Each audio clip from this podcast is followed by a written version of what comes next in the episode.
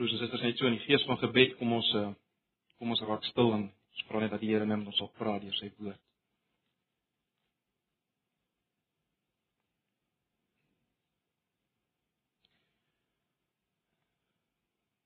Ag Here, baie dankie dat ons U lof nou kon besing, U kon groot maak. Dis waarvoor ons hier is ver oggend om U te aanbid en groot te maak en ons verlange is dat U met ons sal praat, sal werk deur die woord en die Gees, Here, sodat ons nog meer U sal aanbid, U nog meer sal groot maak, sal prys vir wie U is, vir wat U vir ons gedoen het. Here, ons ons oë is op U gerig. Ons verlange is na U. U ken ons. U ken ons tekortkominge, ons gebrokenheid, in hierdie oggend ons vrese, ons worstelinge. Ek vra Here dat U nou sal stil maak in ons en vir ons maar net sal oorweldig deur weer eens deur wie U is. Deur Jesus, deur U self en vir wat wat U kom doen het. Asseblief en ag wil U vir oggend kom bemoedig en kom versterk, Here. Maar ook kom aanspreek waar nodig is. Asseblief. Kom, Here, verheerlik U self. Asseblief, Here Jesus. Amen.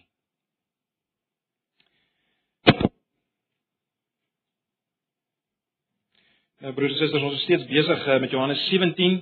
Ek wil net weer so intoe gaan. Ek weet nie van julle nie, maar ek is al meer oorweldig deur uh, hierdie gedeelte, wat 'n ongelooflike gedeelte. Johannes 17. Ons gaan fokus vanoggend op vers 6 tot 8, maar kom ek lees maar net weer uh, vanaf vers 1 net dat ons weer die geheel kry.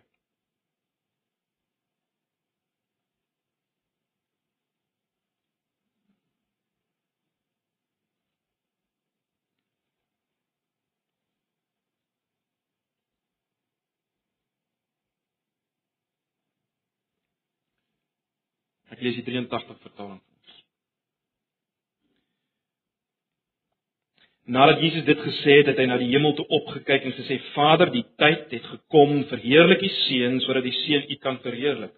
U het hom immers die volmag oor die hele mensdom gegee om aan almal wat U hom gegee het, die ewige lewe te gee.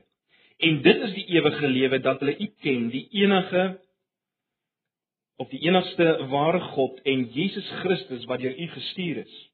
Ek het op op die aarde, ek het U op die aarde verheerlik deur die werk te volbring wat U my gegee het om te doen. Verheerlik U my nou ook by U Vader met die heerlikheid wat ek by U gehad het voordat die wêreld bestaan. Ek het U naam bekend gemaak aan die mense wat U my uit die wêreld gegee het. Hulle het aan U behoort. En U het hulle aan my gegee en hulle het U woord ter harte geneem. Nou weet hulle dat alles wat U my gegee het van U kom, want die woorde wat U my gegee het, het ek aan hulle gegee. Hulle het dit aangeneem en tot die oortuiging gekom dat ek waarlik van U gekom het en hulle het geglo dat U my gestuur het. Dit is net so ver. Nou broers en susters, elkeen van ons wat hier is, het ten diepste 'n behoefte aan sekuriteit en 'n behoefte om iets te beteken. Jy ook. Elkeen van ons wat hier is. En nou is dit so dat na die sondeval soek ons hierdie of soek ons die bevrediging vir hierdie behoefte aan sekuriteit en om iets te beteken. Ons soek dit oral behalwe op die regte plek. Ons soek dit in ons in ons mans, in ons vrouens. Jy soek dit in jou man of in jou vrou, uh, of in jou werk, in werksvervulling of in al jou aktiwiteite waarmee jy besig is. Kinders, julle wat nog op skool is, jy jy soek dit in jou in jou maats of om om in te wees. Dis waar jy hierdie sekuriteit soek en en die, en die gevoel dat jy iets beteken. Dalk sit jy vanoggend hier as iemand wat totaal sonder sekuriteit voel en betekenisloos voel. Wanneer die Here Jesus kom hier in Johannes 17 en hy bid hierdie gebed en ons het nou gesien hy bid dit hardop. Wanneer hy kom en hierdie gebed hardop bid, dan doen hy dit sodat ek en jy werklik sekuriteit en werklik betekenis kan leef, kan beleef binne hierdie wêreld wat ons gesien het, 'n gebroke wêreld is 'n wêreld uh vol onsekerheid, uh, vol pyn, vol hartseer en vol verwarring. Hy wil hê ons moet in hierdie wêreld hierdie sekuriteit en hierdie betekenis beleef. Nou verlede Sondag het ons uit vers 6 net gekyk na daai een gedeelte en ons gesien dat dat Jesus wil hê sy disippels en daarom elke Christen moet dit weet. Hy wil hê jy moet weet dat jy aan die Vader behoort het voordat daar nog enigsins enige reaksie van jou kant af was. Van ewigheid af. In ewigheid het die Vader jou gekoester. Soos 'n kind as te ware 'n sekere geliefde pop of speelding koester en hy het jou eenkant gesit en jou gegee vir God die seun sodat jy ewige lewe kan verkry. Ons het mekaar gesê ek en jy moet oortuig wees dat die een ware God in Jesus Christus verbrysel is in my en jou plek sodat ons hierdie lewe kan hê, hierdie lewe wat ten diepste bestaan uit die ken van God. Nie net 'n lang lewe nie, dis die ken van God. Maar hier is die groot sekuriteit wat ons moet vat. Ons het aan hom behoort. Voordat daar enige iets van ons kant af was. Enige prestasie. Is dit nie geweldige sekuriteit nie? Ontsaglike sekuriteit. En dit gee geweldige betekenis aan ons lewens.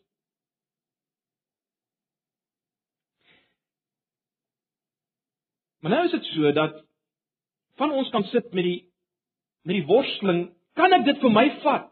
Is ek een van daardie wat behoort aan die Vader van altyd af? Eenkant gesit is en vir die seun gegee is. Is ek een van hulle? Hoe sal ek weet ek is een van hulle? Want dis net dan wanneer ek hierdie sekuriteit kan beleef, is dit nie? Wel, Jesus kom in die res van vers 6 en dan tot vers 8 en hy kom en hy gee beskrywing van wat waar was van sy disippels. En daarom kan ons dit vat as dit wat waar sal wees van 'n Christen tot 'n minder of meerdere mate. Kom ek stel dit so Jesus wys as te ware wat het in tyd met hierdie mense gebeur. Ons het nou gepraat van van ewigheid. Die wonder wat gebeur daaroor uitgebrei. Maar nou in tyd, wat het gebeur met hierdie mense wat die Vader hom gegee het? Wel aan die begin van die aan, aan die begin van vers 6 word dit duidelik gemaak. Ek het, het u naam bekend gemaak aan die mense wat u my uit die wêreld gegee het. Aan die ander woorde, hierdie mense is mense aan wie Jesus God se naam. Nou dit is God se karakter, uh wie God is. Jesus het dit aan hulle gewys. En dan hoor God se liefde. God se haat teenoor sonde en skynheiligheid. God se ontferming. God se lankmoedigheid. En alles wat Jesus gedoen het en gesê het, het hy dit gewys aan hierdie eerste disippels, aan sy mense. En nou, belangrik, broers en susters, As jy 'n Christen is, sal jy iemand wees aan wie die naam van God geopenbaar is. Nie op dieselfde wyse as die disippels nie, maar nou deurdat jy lees dit wat neergeskryf is onder leiding van die Gees oor wat Jesus geopenbaar het aangaande God. 'n Christen is iemand aan wie dit gewys is, geopenbaar is. Jy kan nie een wees as dit nie so is. So dis die eerste ding wat ons moet raak sien, maar Daar is ook iets wat plaasgevind het van hulle kant af, van die disippels se kant af. En daarom is daar iets wat plaasvind van die Christen se kant af. En dit wat ons moet raak sien. As ons die sekuriteit wil beleef wat Jesus wil hê ons moet beleef. Nou ons almal weet dat die disippels was ver van volmaak, né? Nee. Hulle was 'n groepie wat maar geworstel en gestry het en nie altyd begryp het wat hulle moes begryp nie, maar Een ding kon van hulle gesê word. Een ding. En dis wat ons kry in die gedeelte wat ons gelees het.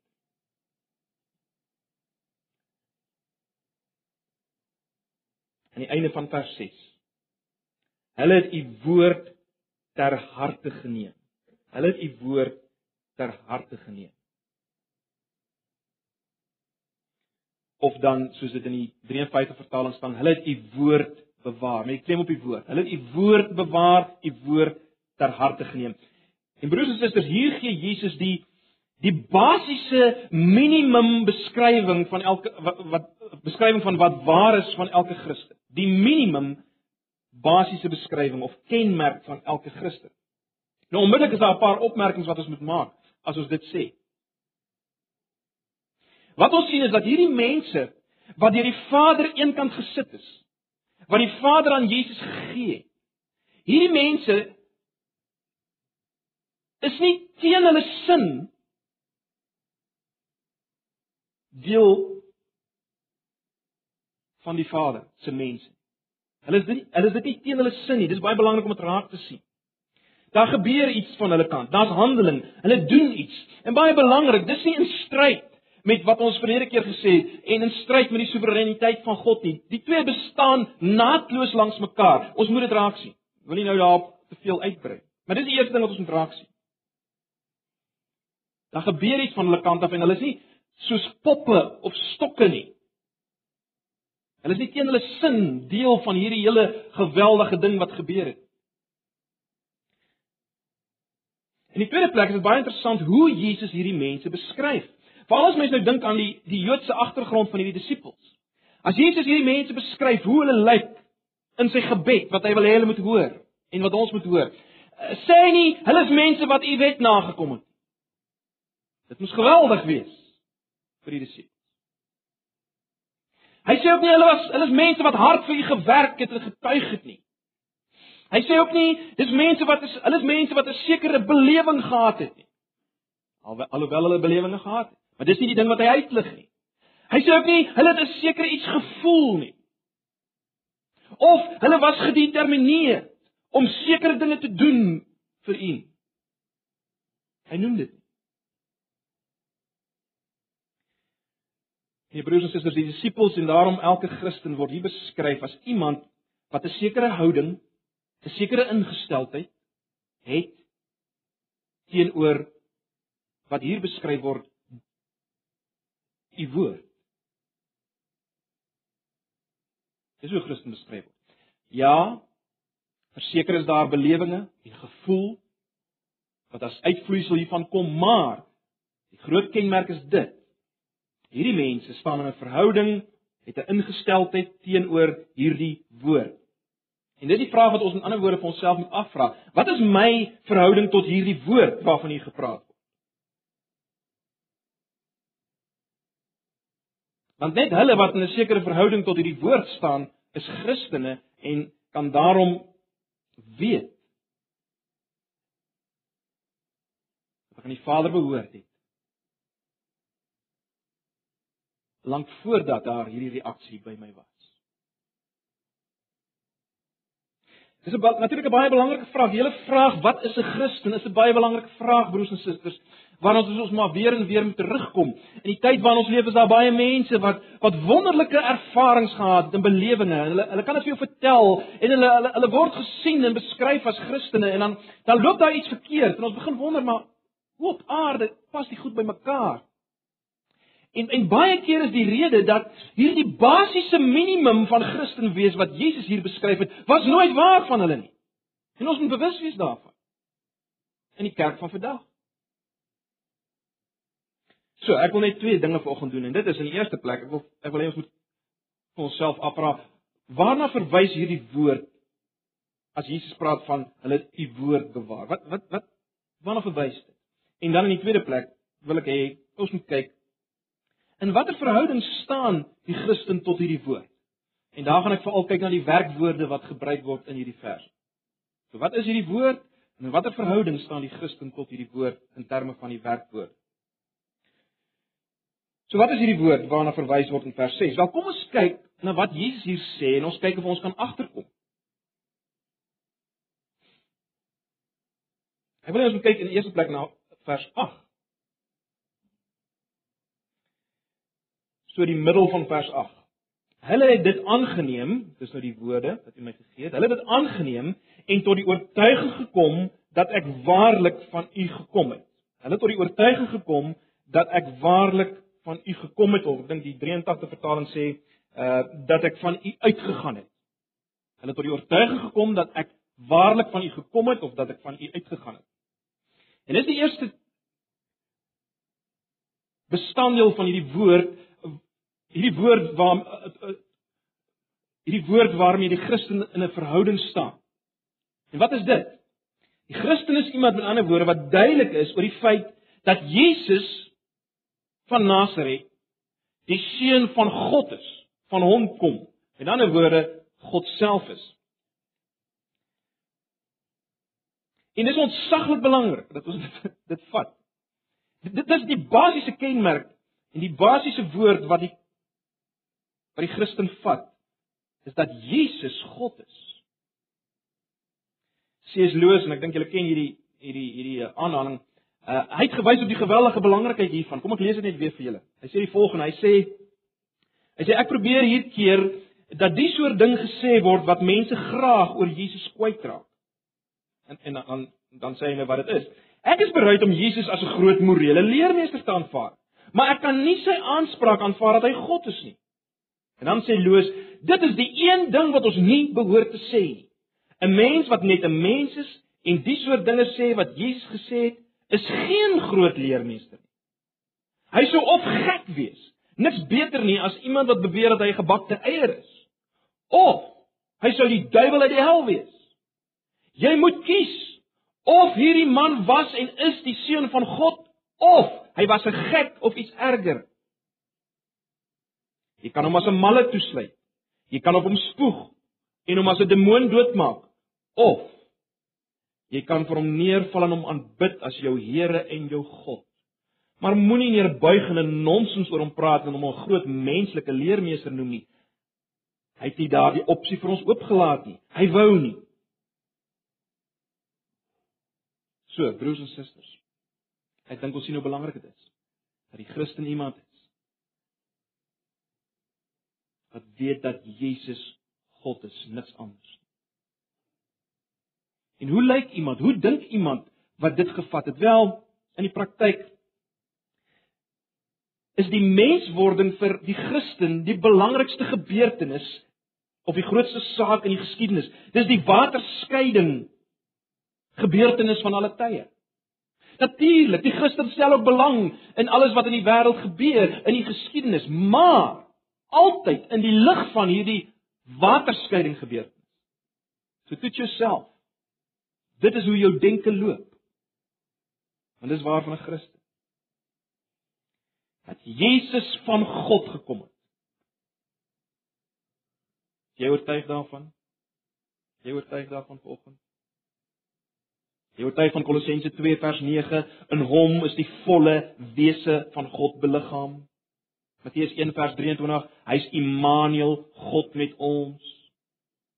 In dieselfde Johannes Evangelie kom sê Jesus vir uh, Filippus Wie my sien, sien die Vader. Wie my sien, sien die Vader.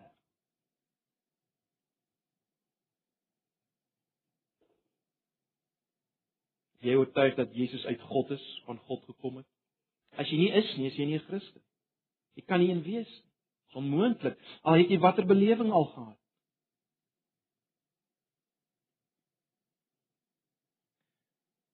Kom ons gaan verder. Wat is die tweede ding wat ons moet raak sien omtrent hierdie woord? Ons gaan na die einde van vers 8 toe.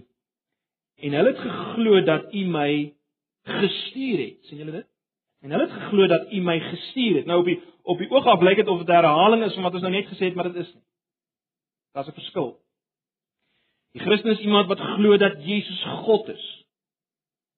Verseker. Maar dan is daar die tweede vraag, wat doen hy in die wêreld? Hoekom is hy hier? En die enigste antwoord is hy's gestuur. En agter daardie gestuur lê die liefde van God. 1 Johannes 4 vers 10 stel dit so: Werklike liefde is dit, nie die liefde wat ons vir God het nie, maar die liefde wat hy aan ons bewys het deur sy seun te stuur as verzoening vir ons sondes. Die verlede Sondag het ons in 'n in 'n sekere sin bietjie gepraat vanuit die hemelse perspektief oor hierdie hierdie stuur van Jesus, hierdie gestuur wees van Jesus. Maar hoe dink 'n Christen met ander woorde in die praktyk? 'n Christen wat weet dat Jesus gestuur is vanuit liefde. Wel Die Christen weet dat God belangstel in die wêreld en dat God iets gedoen het omtrent die wêreld. Hy het ingemeng. Die Christen weet dat bo en behalwe die algemene menslike geskiedenis is daar 'n ander dimensie. God wat sy seun in die wêreld ingestuur het en en en dit verander jou hele siening van die wêreld en van tyd en van die toekoms. Die nie-Christen is bloot behep met wat kan ons doen om die wêreld 'n beter plek te maak, né? Nee, op menslike vlak. Wanneer kan ons 'n volgende konferensie hou om te besluit oor aardverwarming, die oplossing? Die Christen dink anders. Ek wil hê jy moet vir jouself afvra, dink ek anders? Dink ek anders? Die Christen glo dat Christus in die wêreld gekom het omdat God hom gestuur het. Hy het nie toevallig ingekom nie. Hy het ook nie self besluit om iets te doen om mense van 'n kwaai God te verlos nie. Hy is deur God die Vader gestuur en verlede Sondag het ons daaroor uitgebrei. En daarom weet die Christen, dis baie belangrik, dat die Vader en die Seun het dieselfde liefde vir my. Vader en die Seun het dieselfde liefde. Maar daar's nog iets in vers 7 wat ons moet raak sien. Ons begin by die begin van vers 7 nou. Nou weet hulle dat alles wat U my gegee het van U kom, want die woorde wat U my gegee het, het ek aan hulle gegee. Nou as ons na vers 8 kyk, dan weet ons hierdie nou weet hulle dat alles van U kom, die alles wat van die Vader kom is die woorde. Né? Nee, so die Christen weet dat al die woorde van Jesus van die Vader kom. Dis wat daar gesê word. In ander woorde, die Christen is iemand wat weet dat die woorde wat Jesus geleer het, dit wat ons nou gelees het in Johannes Evangelie en al die maande wat verby is, al sy ek is uitsprake byvoorbeeld, dit is wat God vir my sê. Dis nie net interessant hierdie nie. Dis nie interessant hierdie nie.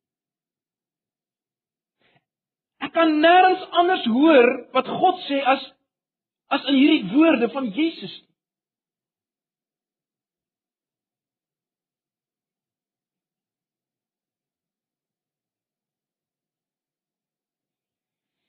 Dis die woorde wat God wil hê ek moet hoor.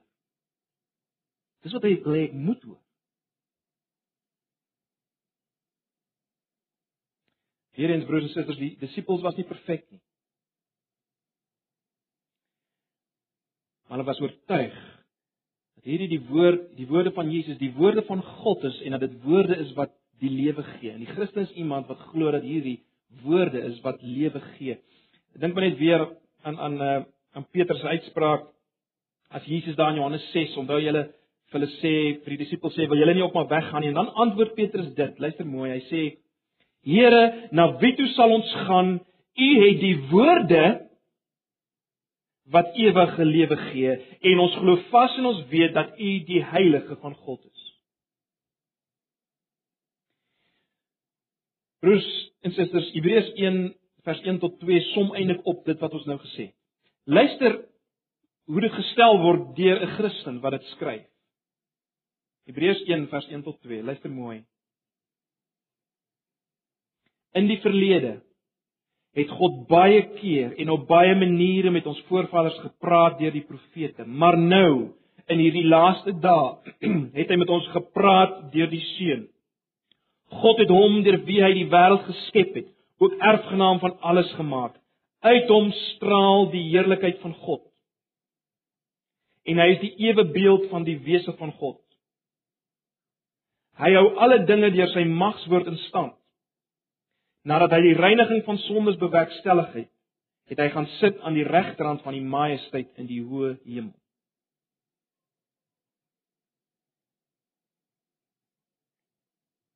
Dis die woord. Hierdie woord is beslissend. Dis finaal. Dis heerliker as iets enigiets anders. Dis meer gesagvol. Hierdie woord kommunikeer God self. Hierdie woord kommunikeer God self. En dis die woord waarvan hy gepraat het. Dis die woord waarvan hy gepraat het.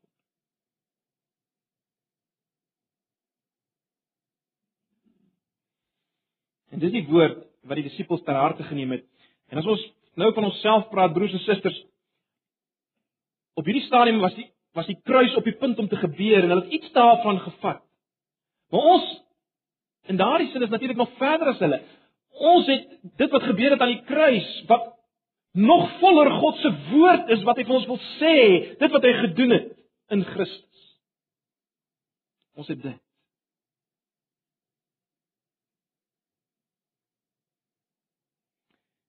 Maar goed. Nou het ons gesien wat is die woord. Ek wil hê ons moet nou uh, uh, kyk. Nou wat is die verhouding presies wat die Christene het tot hierdie woord? En ek wil hê ons moet daarna kyk in terme van die werkwoorde wat gebruik word in hierdie gedeelte. Maar dit sê vir ons nog iets meer. Kom ons kyk eers na vers 8. Jesus sê want die woorde wat U my gegee het, het ek aan hulle gegee. Hulle het dit aangeneem. Dis soos die uh 83 vertaling dit stel, die 53 vertaling sê hulle dit ontvang. Hulle het dit aangeneem of hulle het dit ontvang. So dis die eerste ding. Nou natuurlik teken Jesus hierdie kontras, né, nee, tussen sy disippels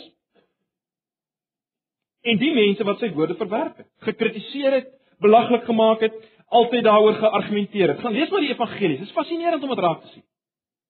Hulle het altyd 'n storie gehad. Daarteenoor Sy disippels is mense wat die woord aanneem. Dis die groot verskil. Christen is nie iemand wat heeltyd probeer om gate in in die argumente kry nie, teenstrydighede op te tel nie.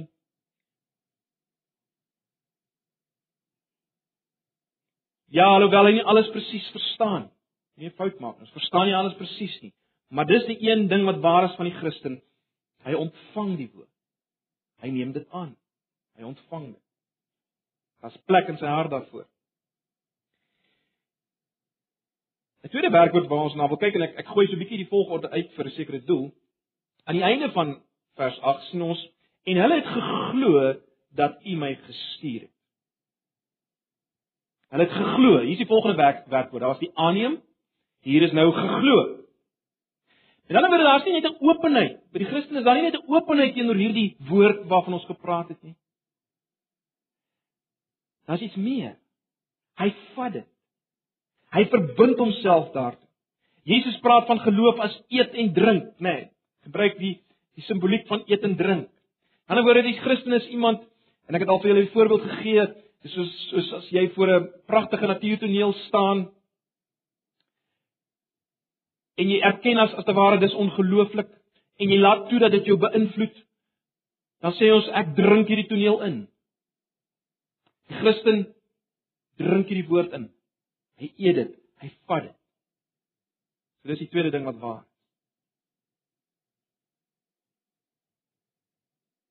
Nou as jy bietjie opgaan met die vers, dan sien ons Jesus sê en hulle tot die oortuiging gekom dat ek waarlik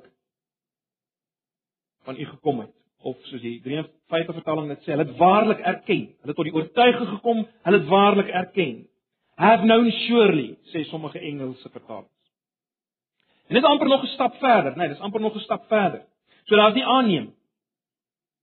Daar's die eet en drink, die vat van geloof. En dan is daar hierdie absolute oortuig wees. Waarvan Paulus praat in Romeine 8 as hy sê ek is oortuig daarvan dat geen lewe of dood of enigiets my kan skei van die liefde van God wat daar in Christus Jesus is. 'n Oortuiging Die Christen is meer oortuig hiervan as wat hy oortuig is van enigiets anders in die wêreld. En hierdie oortuiging natuurlik werk die Gees van God in ons. Maar dis wat waar is van die Christen. Laaste werkwoord. Die een wat ons eerste gelees het, na gekyk het.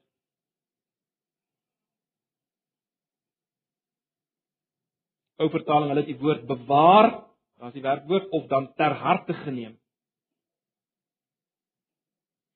Nou letterlik is die gedagte in hierdie woord 'n gedurende dophou, 'n gedurende dophou. Met ander woorde, 'n Christen is nie net iemand wat hier sit en vir 'n tydjie luister na hierdie dinge wat ons sê en daarop konsentreer en dit goed vind en dit geniet, maar as hy daar buite kom, dan is dit ver uit sy gedagtes uit. Die Christen hou hierdie woord dop. Hy's iemand wat dit gedurig dophou. Sy gedagtes daarmee vul. Hy's altyd direk of indirek daarmee besig. Dit beïnvloed hoe jy in jou huwelik optree, in jou gesin, by jou werk, jou vrye tyd. Jy bewaar hierdie woord. Dit is 'n invloed daar.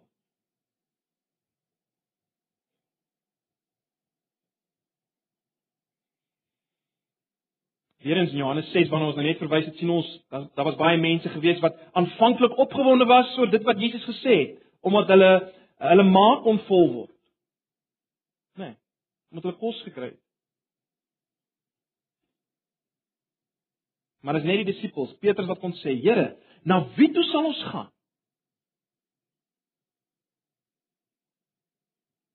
Hulle het bewaar. Dit was hulle alles. Dis die groot verskil. Nou. Onthou ons begin het broers en susters, ons begin om te sê die Christen is iemand wat gereageer het op dit wat Jesus openbaar het aangaande God. Karakter van God, wie hy is. Onthou nou, wat is die ewige lewe? Wat Jesus gee. Kyk net weer na vers 3. En dit is die ewige lewe, dat hulle U ken, dat hulle U ken, die enigste ware God en Jesus Christus wat deur U gestuur is. En nou baie belangrik, volg my. Net as hierdie reaksie, net as hierdie reaksie waarvan ons nou gepraat het, die reaksie op die openbaring van God se karakter, net as dit gelei het tot die ken van God en Jesus Christus, net dan was Jesus geslaag in dit wat hy kom doen het. Naamlik om ewige lewe te gee. Dis wat hy kom doen het vers 2. Kyk net na vers 2. U het hom immers die volmag oor die hele mensdom gegee om aan almal wat u hom gegee het, die ewige lewe te gee. So as dit nie gebeur nie. Wat is die ewige lewe? Onthou nou dis die ken van die Vader. As ons reaksie op dit wat Jesus geopenbaar het, nie dit is nie, dan het Jesus misluk. En daarom kan ons alles opsom vanoggend en sê die Christen ken God en Jesus Christus wat hy gestuur het. Dis die groot kenmerk van die Christen. En is dit nie ons grootste broers en susters, ons grootste behoefte en ons grootste onkunde vandag nie? Ons praat baie omtrent God, ons argumenteer oor God. Ons druk ons opinies uit, ons bid. Maar ek wil tog eens met vanoggend onsself die vraag afvra: Ken ons hom? Is God lewend vir ons? Is hy 'n realiteit? As ek bid, is daar lewende kommunikasie wat plaasvind. Bewus dat ek moet praat met iemand wat ek ken. Vra jouself, ken ek God? Is hy realiteit? Is my gebed 'n realiteit? Is dit lewend?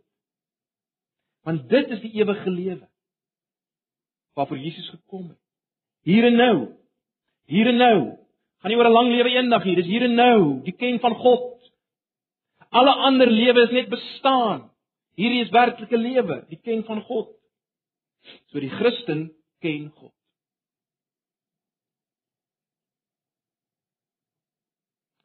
Ek weet daar's nou sommige van julle wat wat mismoedig gaan wees. Deur dit wat ek nou gesê het.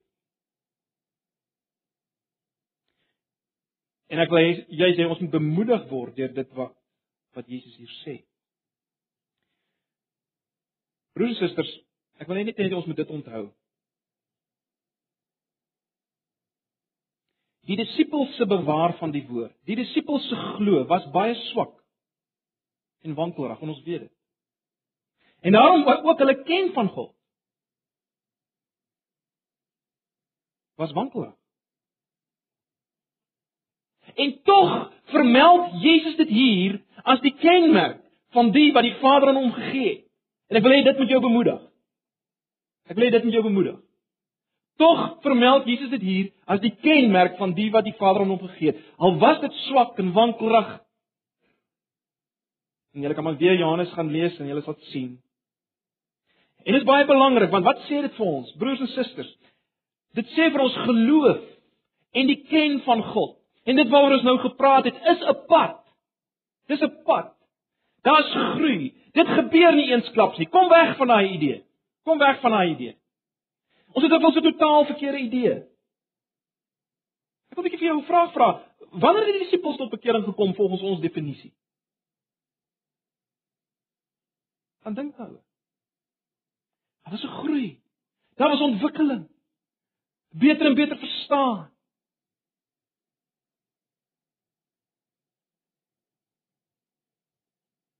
En dit is baie belangrik. En nou moet julle oplet. Dit is baie belangrik. Hoe het hulle gegroei in die kennis van God, in geloof? Die dinge waarvan ons gepraat het, hoe het hulle gegroei in die bewaar van die woord? Wel, hoe meer en hoe langer hulle blootgestel was aan hierdie woorde van Jesus, hoe meer hulle blootgestel was daaraan, hoe meer het daar groei gekom en 'n verstaan gekom. En daarom, wat is die logiese ding vir my en jou as ons ver oggend voel maar sjok. Ken ek werklik God? Is ek werklik oortuig en al die dinge waaroor ons nou gepraat het? Wat is die logiese ding om te doen? Wel, stel jouself bloot aan Jesus en die woorde van Jesus, soos gevind word in die woord in die Bybel. Stel jouself daaraan bloot. En dan sal jy groei. Jy sal hom leer ken. Hoekom kan ek so seker wees jy sal hom leer ken? Wel, omdat broers en susters, ten diepste hang my en jou verlossing nie af van hoe goed goed ons luister en hoe goed ons glo nie. Ons moet dit baie baie goed onthou. Kyk weer na vers 2. Dis Jesus wat die volmag het om ewige lewe te gee. Dink aan Filippense 1 vers 6. Die werk wat hy begin het, sal hy klaar Hou daaraan vas. Ek sluit af met net 'n heel laaste gedagte. Onthou ook dat dit is die werk van die Heilige Gees om kennis van God te bring. En dis waar ons die voordeel het voor die disippels voor Pinksterdag, né? Nee. En daarom kan ons vashou aan hierdie belofte. Ek, ek lees dit net vir julle. Johannes 14 vers 20. In Johannes 14 praat Jesus oor die Gees se werk. En luister hier. Daardie dag, hy verwys na die tyd waarin ons leef as die Gees gekom het. Daardie dag sal julle weet dat ek in my Vader is en julle in my en ek in julle. En dis wat ons soek, is dit nie? Dis 'n belofte. Kom ons herinner die Here daaraan. So wat het ons nodig? Ons het die woorde van Jesus nodig. Ons het die werking van die Heilige Gees nodig. En dan sal ons kom tot die ken van God, broers en susters. Is jy Christen? Mag die Here jou bemoedig deur dit wat ons vanoggend gesien het.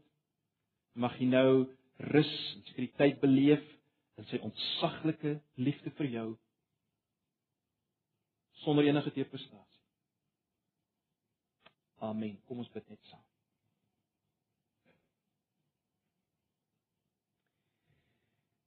Here baie dankie vir die woord. Dankie dat ons ons kan verheug in U self. Dankie dat ons kan weet dat U was, U het weggegaan en U kom weer.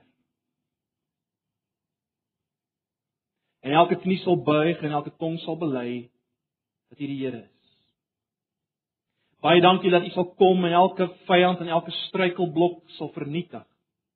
Baie dankie dat ons kan weet dat uiteindelik sal die nuwe werklikheid tot stand kom. 'n Wêreld waarin geregtigheid woon. Waarin almal U sal ken. Almal sal U ken. Ons dank U daarvoor.